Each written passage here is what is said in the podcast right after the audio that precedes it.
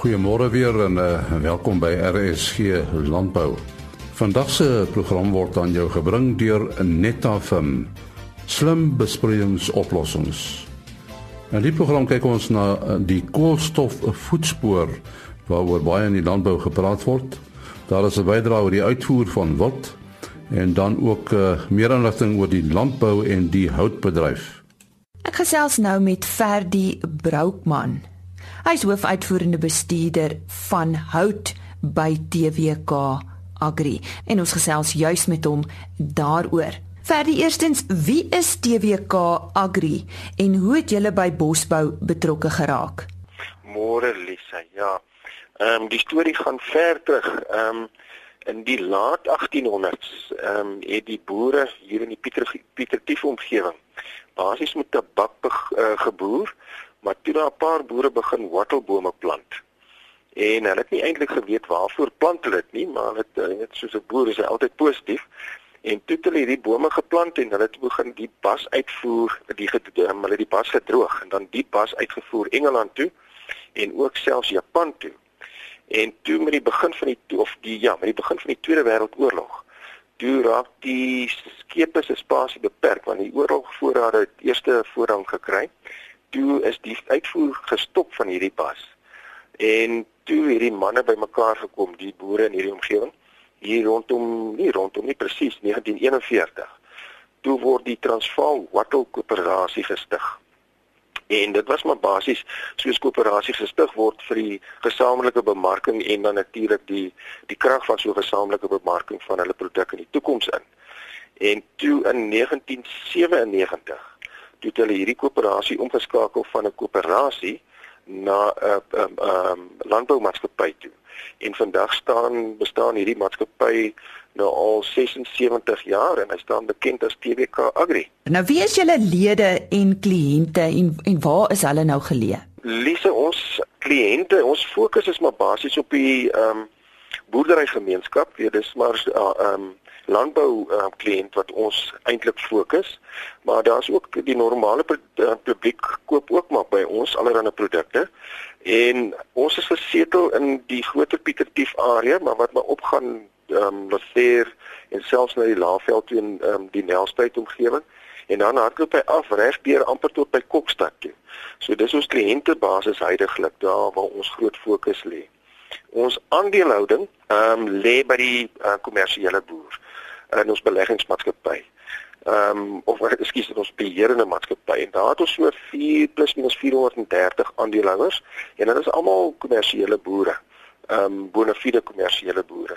En dan het ons ook 'n beleggingsmaatskappy onder hierdie beheerende maatskappy wat enige iemand die aandele van kan koop en daar sit ons met so 680 plus minus aandeelhouers daar. So waaruit bestaan julle besigheid presies? Wat doen julle? Ehm um, as ek praat van die TWK Agri Groep doen ons handel handel uh, besigheid. Ons het 'n handelsafdeling en in daai handelsafdeling is regtig al die insette wat 'n boer benodig, van saad regdeur tot trekkers, kunsmis en jy dis soos maar soos al die ehm um, handels of die die landboumaatskappye is jy bedien die boer met al daai benodighede.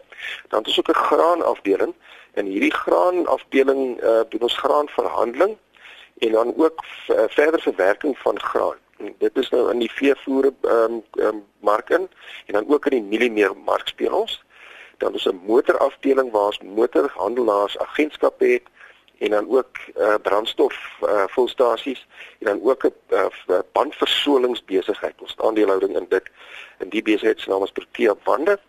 Dan is ook verder meer 'n krediet en versekeringsafdeling wat ons boere bedien met krediet en dan ook die nodige versekerings en daar Ehm um, die versekeringsmark bedien ons uh, die wye publiek ook. En dan die afdeling waarvoor ek uh, verantwoordelik is is die hout. En ek kan 'n bietjie meer detail gee oor die hout as dit uh, goed is met jou ehm um, Lisa. Ja, asseblief. Ja, ek ken die deel nou beter van ons besigheid. Ons begin basies ons bemark baie hout vir ons boere, vir die boere wat ons aandeelhouers is en ook nie aandeelhouers. Dis nie beperk tot dit nie. Ons bedien nasionale en internasionale markte met met die hout wat ons bemark daarvoor. En dan verder in die bedryf, ons begin regtig in die eerste deel van die waardeketting van die bedryf by 'n kwekery wat ons um, bedryf. Die kwekery kweek saailinge vir onsself en ook vir baie boere. Ons doen daaromtrent so 6 miljoen uh, saailinge jaar uit daai bedryf uit. En dan het ons ons eie bosboubelange of ehm um, boomplase. Ons het so 17000 hektaar bome ehm um, geplant en wat ons bedryf uh, vir die besigheid. Die is gesetel in in Mpumalanga en dan ook in Swaziland ons belange. En dan ons verwerkingsaanlegte van ons produkte, ehm um, houtprodukte, ons het 'n spaner uitvoer ehm um, aanleg onder die Richards Bay. Ehm um, dis maar uh, uh, in Engels praat jy van uh, wood chips. Ehm um, dis jy verspaner jou pulpout en dan voer ons dit uit na Japan toe, Indië toe en China toe. En dit is maar vir die uh, papier en pulpmark wat hulle daar gebruik. Dan ons verder meer saagmelings. Dis maar planke wat ons um, saag uit die hout wat ons verwerk. Dan ook um, bedien ons die mynhoutmark uit daai saagmelings uit. Dan uh, ten laaste het ons 'n pale behandelingsaanleg en daar vervaardig ons transmissiepale en dan ook bou en omheiningspale vir die uh, boeregemeenskap. Nou hoe gesond is julle bedryf tans en ons praat nou meer spesifiek hier oor die hout. Ons is baie positief vir die mark. Ehm um, die mark brei uit. Nasionaal is daar baie praat van uitbreidings deur uh, maatskappye in ons land wat meer waarde wil toevoeg aan ons uh, produkte wat wonderlike nuus is vir die land. Ons self wil ook uitbrei na waardevoegings um, aanlegte in ons land. So ons is baie positief uh, in terme van nasionale markte internasionale markte, daai manne het groot moed, ehm um, groot uitbreidings in in die ooste van die wêreld word ehm um, uiteindelik in in werking gestel. Dis groot investerings daai en daai uh, maatskappye soek op baie oud nog. So ons is baie positief vir die mark wat uh, voorlê vir ons. En hoe lyk julle toekoms? Jy het nou so vinnig daaraan geraak. Lise, ons ons wil graag uitbrei. Ons wil ons bosboubelange uitbrei. Ons is baie ehm um, gefokus daarop om meer bosboubelange te hê, met ander woorde eh, plantasies en boom ehm um, lande te uh, om te sit. En dan wil ons ook die ware toevoegingsketting met ons baie beter uh, benut en en uh, investeer in daai mark. En so ons ons gaan ons fokus is basies op dit. So ons belange wil net ons wil ons belange uitbrei. As as TWK Agri is ons baie positief oor die mark wat uh, waar ons betrokke is in die hout. Uh dis 'n aangename mark om in besigheid te doen. Ehm um, dit is daar's beperkte kliënte, maar dis dis dis lekker kliënte. Ehm um, die etiese waardes wat in die bedryf is is is gesond en ons waardeer dit van ons kliënte wat waarmee ons deel. Ehm um, dit praat ons nou van nasionaal en internasionaal. En ons is nog steeds so opgewonde oor die internasionale mark wat baie groot gaan uitbrei in die toekoms. Baie dankie. En die man wat so lekker oor TWK Agri gesels het, is die hoofuitvoerende bestuurder van die hout divisie by TWK Agri en hy is Ferdi Broukman. Ons gaan uh, nou praat oor die hele kwessie oor koolstofbelasting vir die landbou. En uh, ons gaan praat met Dr. Hans Meisner. Hy is 'n veekundige konsultant en navorser veral by die rooi vleisbedryf uh, is hy betrokke. Uh Hans, uh, die proses rakende die instel van koolstofbelasting, die koolstofbelastingstelsel hier in Suid-Afrika, waar staan dit op die oomblik? En nee, miskien moet ons net uh, so 'n stapie terug gaan en we sê waar kom dit vandaan die uh, uit die aard van die saak uit Suid-Afrika? Uh, uh is net soos ja ander lande is uh, onderhewig aan die internasionale verdrag wat gaan daaroor om om die koolstof uh uitsetting te verminder en vrystellings van kweekhuisgasse te verminder. En ons het 'n onderneming gegee dat ons uh uh dit teen 2025 tot 2030 in die orde van 40% sal verminder. Nou dit het uh, die regering genoop om na verskeie opsies te kyk van uh, hoe om daarby uit te kom. Uit die aard van die saak uh, doen mense vrywillig vermindering van hulle kweekhuisgasse, maar daar uh, om daai soort van tekens te bereik is dit sekerlik ook nodig om te kyk na is daar maniere om om druk daarop toe te pas. Nou mens kon seker druk op meer as een uh, manier toepas. Een is is koolstofbelasting. Uh 'n mens kon natuurlik ook uh insentiewe daar gegee het vir die verskillende sektore om bepaalde doelwitte te bereik. Maar die regering het toe nou besluit na 'n uh, intensiewe studie en konsultasie met verskeie uh, ander lande dat hulle koolstofbelasting wil gebruik. Nou wat uh, wat landbou betref is uh, die koolstofbelasting waar die ander sektore alreeds van verjaar 2017 onderhewig daaraan kan wees sal landbou eers uh vanaf die tweede fase uh wat intree vanaf 2020 daaraan blootgestel word. En uh die rede daarvoor is dat uh landbou se die afsaak baie ingewikkeld in die opsig dat dit baie moeilik is om te monitor uh op plase en uh hoe, hoeveel uh, koolstof uh, gas uh, of hoeveel kweekhuisgasse dan nou vrygestel is en tot watter mate word dit verminder. Dit sal 'n baie uh, koste-intensiewe soort van uh, aksie uh, nodig hê om om dit te kan doen.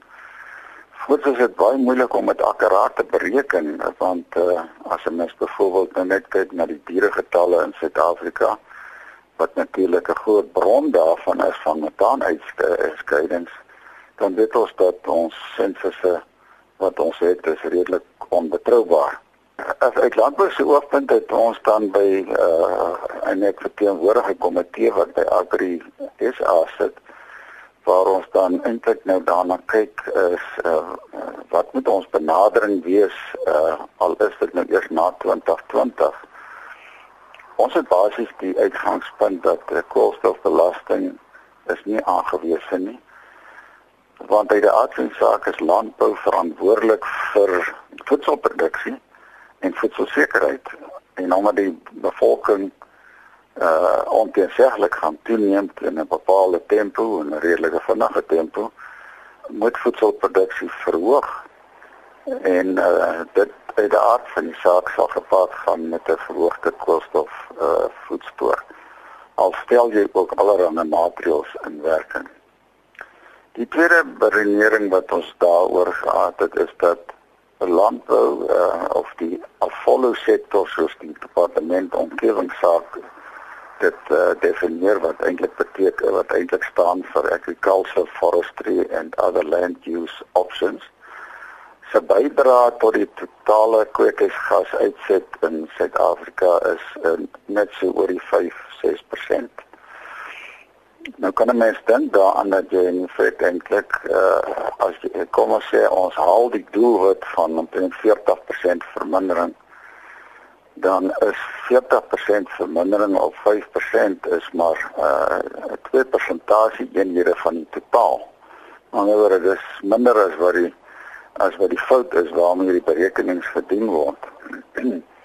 Uh, so dit maak dit moeilik om uh, om uh, belasting te regverdig op uh, op landbou in hierdie konteks van voedselsekerheid en die akkuraatheid ensovoorts. Maar landbou wil nie uh, ontduik sy verantwoordelikheid nie. En landbou die voordeel eintlik dat hy kan koolstof, hy kan bydra tot koolstof sekwestrasie en dan berging in die grond en en plante. En dis die enigste sektor wat eintlik dan 'n positiewe bydrae kan maak om die vermindering daar te stel. En dit beteken dat 'n mens eintlik liewer moet kyk na iets soos insentiewe om uh of hulp, een of ander hulpvorm om dit te bewerkstellig. Ons berekening wys daarop dat jy in, in die orde van omtrent 2 tot 3 maal soveel koolstof, dis in vorme van koolstofgas uh, kan uh, sekwestreer of uh, opberg as ons goeie praktyke toepas in terme van minimum bewerking, uh goeie veldbestuur uh ensovoorts. 2 tot 3 maal soveel kan ons eintlik dan sekwestreer in berges wat as wat die uitskeiding is. So ons gevoel is eintlik dat dit is waar die waar die klem moet lê en dit is waar ons as komitee van Agri SA dan eintlik ons insette wil lewer uh, aan aan die regering en departement omgewingsake sê dat ons uh, dat ons graag wil so 'n benadering eintlik uh, um, ondersteun en dat ons uh, in werking sal stel saam met ons boere programme om dit te kry. Maar ek het gesê dit kos geld uh, en en daar's 'n groot beplanning daar daaromtrent moet wees om om dit te bewerkstellig. En dit is wat ons dan eintlik wil uh, uh voorhou en daarom is ons proaktief ja, deur alles het 4 jaar voor dit in werking te die moontlike belastingstelsel om te kyk of ons dit nie in 'n ander rigting dan kan stuur nie. Nou, ons sê baie dankie aan Dr. Hans Meisner. Hy is 'n veekundige konsultant en navorser. Nieu-Seeland is nie net die wêreld een voor met rugby nie. Hulle is ook die wêreld se grootste uitvoerder van wildsvleis. Die wild, meestal edelherte en 'n verskeidenheid ander takbokspesies word op natuurlike veld en in voerkrale grootgemaak en afgerond.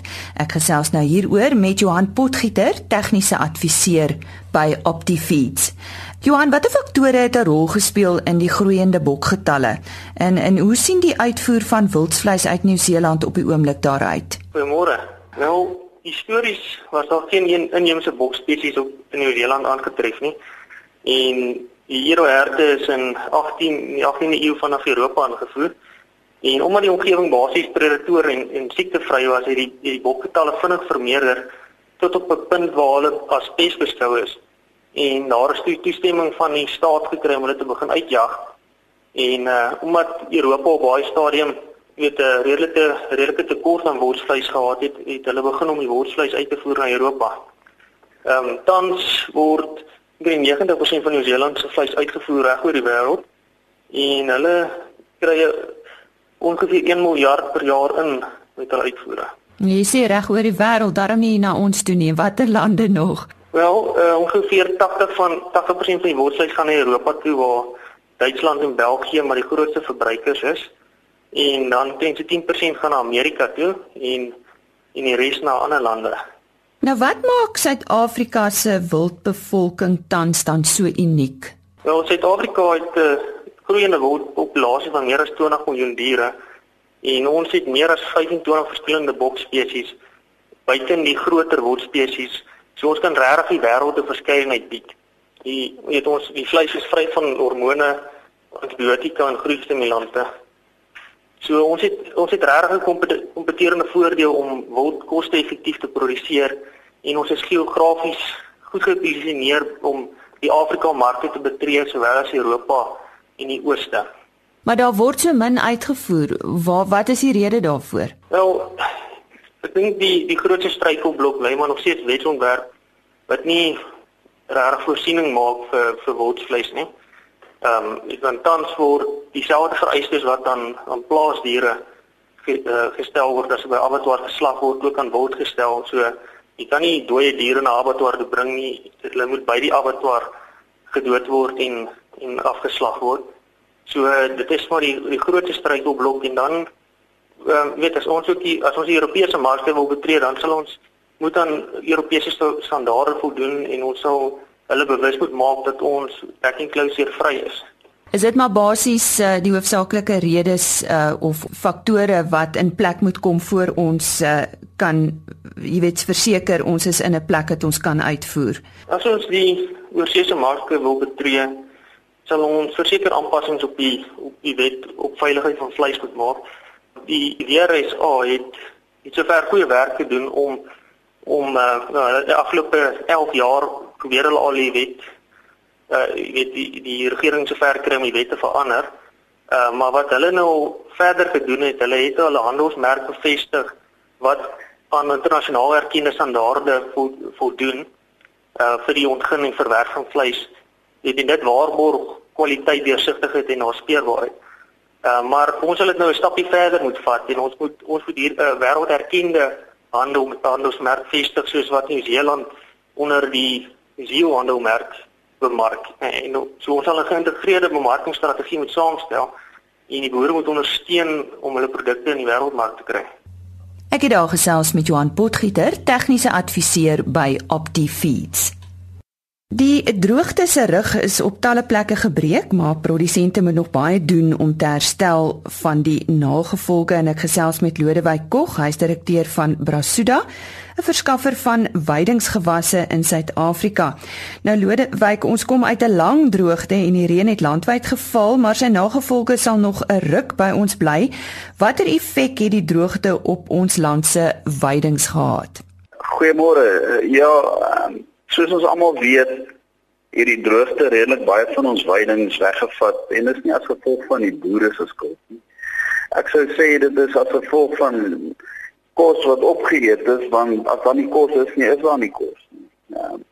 So die boere moet dan obviously herstel na die as dit nou weer begin reën. Ehm um, en as dit begin reën met 'n ou dan vir jouself die vraag afvra is die regte gras daar wat begin opkom of moet ek ander begin plant? Is daar ander grasse wat ek kan plant? Um, so um, wat ek vir, vir wat ek sal voorstel is as 'n boer dan nou weet ehm um, wat hy wil plant en sy navorsing gedoen het dan kan hy ons kontak of hy kan enige grasplaaier maar uh, kontak. Nou julle het 'n paar uh, suksesverhale oor boere wat die droogte goed oorleef het. Vertel ons bietjie daarvan? Ja, dit is nogal redelik ironies. Um, as gevolg van die droogte het daar obviously baie boere wat nou hulle weidings verloor het en ek het my en wat dit wat wat dit nou oorgekom het. Um, of dis soos die kliënt dit gedink het. Um, sy het my geskakel en vir my gesê ek ehm um, ek soek uh nuwe gras. En ehm um, ek het toe vir gevra maar hoor is alles dan dood? Sy sê toe ja sy gaan weer nuwe gras moet plant. Sy sê toe vir my of sy pla sy plaas toe nou 'n nuwe bestelling. En hier in Desember ehm um, kry ek 'n foto. En ek en maar waar waar die vrou nou tussen die gras staan En ek bel haar toe en ek sê toe vir haar, luister maar ek dag jou gras is toe. Sy sê toe vir my, sy het ook gedink is toe. Ja, ek sê toe vir haar, maar stuur vir my 'n foto van hoe het dit gelyk? En sy stuur vir my 'n foto dit het soos 'n woestyn gelyk. Nou die boer boer in die Springbok vlakte. Ek sê toe vir my, "Jesus, ek sou ook gedink dit is toe." En so kan ek aangaan met verhale. Ek het wildsboere wat boer die waar hulle tussen die gras staan. Daar's boere wat loesteren uitploeg om van my gewasse te ploeg. Ehm um, voerkrale. Ek het voerkrale wat wat sê ons het nou so groot kompeterende mededingende voordeel net om julle glas te. Ehm um, so en ek het 'n elle lange lys. Ek het gister 'n foto gekry van 'n boer in Zimbabwe wat met melk boer van die van die grasse daar is 4 meter hoog. Um, en en en dit dra dis oneindig hoe, hoe baie mense uh, suksesverhale sê van hierdie grasse. Nou jy het so vinnig daaraan geraak so 'n bietjie vroeër om te sê uh, dis belangrik dat nou dat nuwe grasse nou geplant moet word. Maar ons staan nou so kan ek maar sê amper voor die winter. Wat is die eerste stap wat jy wil voorstel? Kyk, die eerste stap is obviously om te besluit wat wil ek plant. Dan moet jy gaan identifiseer die grond waar dit is. Gaan neem jou grondanalises uh, om te kyk wat kort in die grond. Uh, hoekom sê ek dit? Jy's besig om 'n meerjarige gewas te plant. Um, en as jou grond verkeerd is of daar's iets fout met die grond, jou pH is te hoog of jy te min fosfaat in die grond, beteken dit jy gaan jou grond moet verbeter. Want omdat jy as jy 'n meerjarige gewas plant, is van die goeders moeilik of van die fosfate of minerale wat kort, um, kan jy dit nie regstel as jy as die gewas klaar gevestig is. So as jy weet wat jy wil doen, kan jy ons kontak ek kan vir jou raad gee of jy kan selfs my oppositie koop kontak as dit rarig moet. Julle uh, julle weet ek is vanjaar ook by Nampo. Wat behels julle uitstalling vanjaar? Ons is hierdie jaar vir die eerste keer by Nampo. ons het twee stalletjies, een is binne in die Keltex saal waar jy nou met, met my kan gesels. Ehm um, dan het ons aan die buitekant by die graan aanplantings het ons ook 'n stalletjie waar jy kan kom kyk na die gras. Die gras is in Januarie geplant, so ek sal net maar sien, ek sit op wete kole om te hoor hoe hoog dit gaan groei teen na naampoese tyd. Uh so al die kliënte en al die boere is welkom om met my te kom gesels. Uh, ek het tegniese kennis van Brasil wat ook ons wat ook kan raad gee. Net om jy af te sluit, 'n webtuiste asseblief. Die webtuiste www.brasuda uh, b r a s u d a.co.za. En dit was die direkteur van Brasuda, Lodewyk Kog. daarmee ook die einde van die aflewering van RSG Landbou. Ons sal môre onder andere kyk na Nampo wat in Mei maand plaasvind. Daar is bydra oor wildteeling en biotehnologie en dan gaan Johan van der Berg gesels oor klimaatsverandering. Vandag se program is aan jou gebring met komplimente van Netafim. 25 jaar van slim besproeiingsoplossings. RSC Landbou is 'n produksie van Blast Publishing. Produksieregisseur Henny Maas. Aanbieding Lisa Roberts en inhoudskoördineerder Jolande Rooi.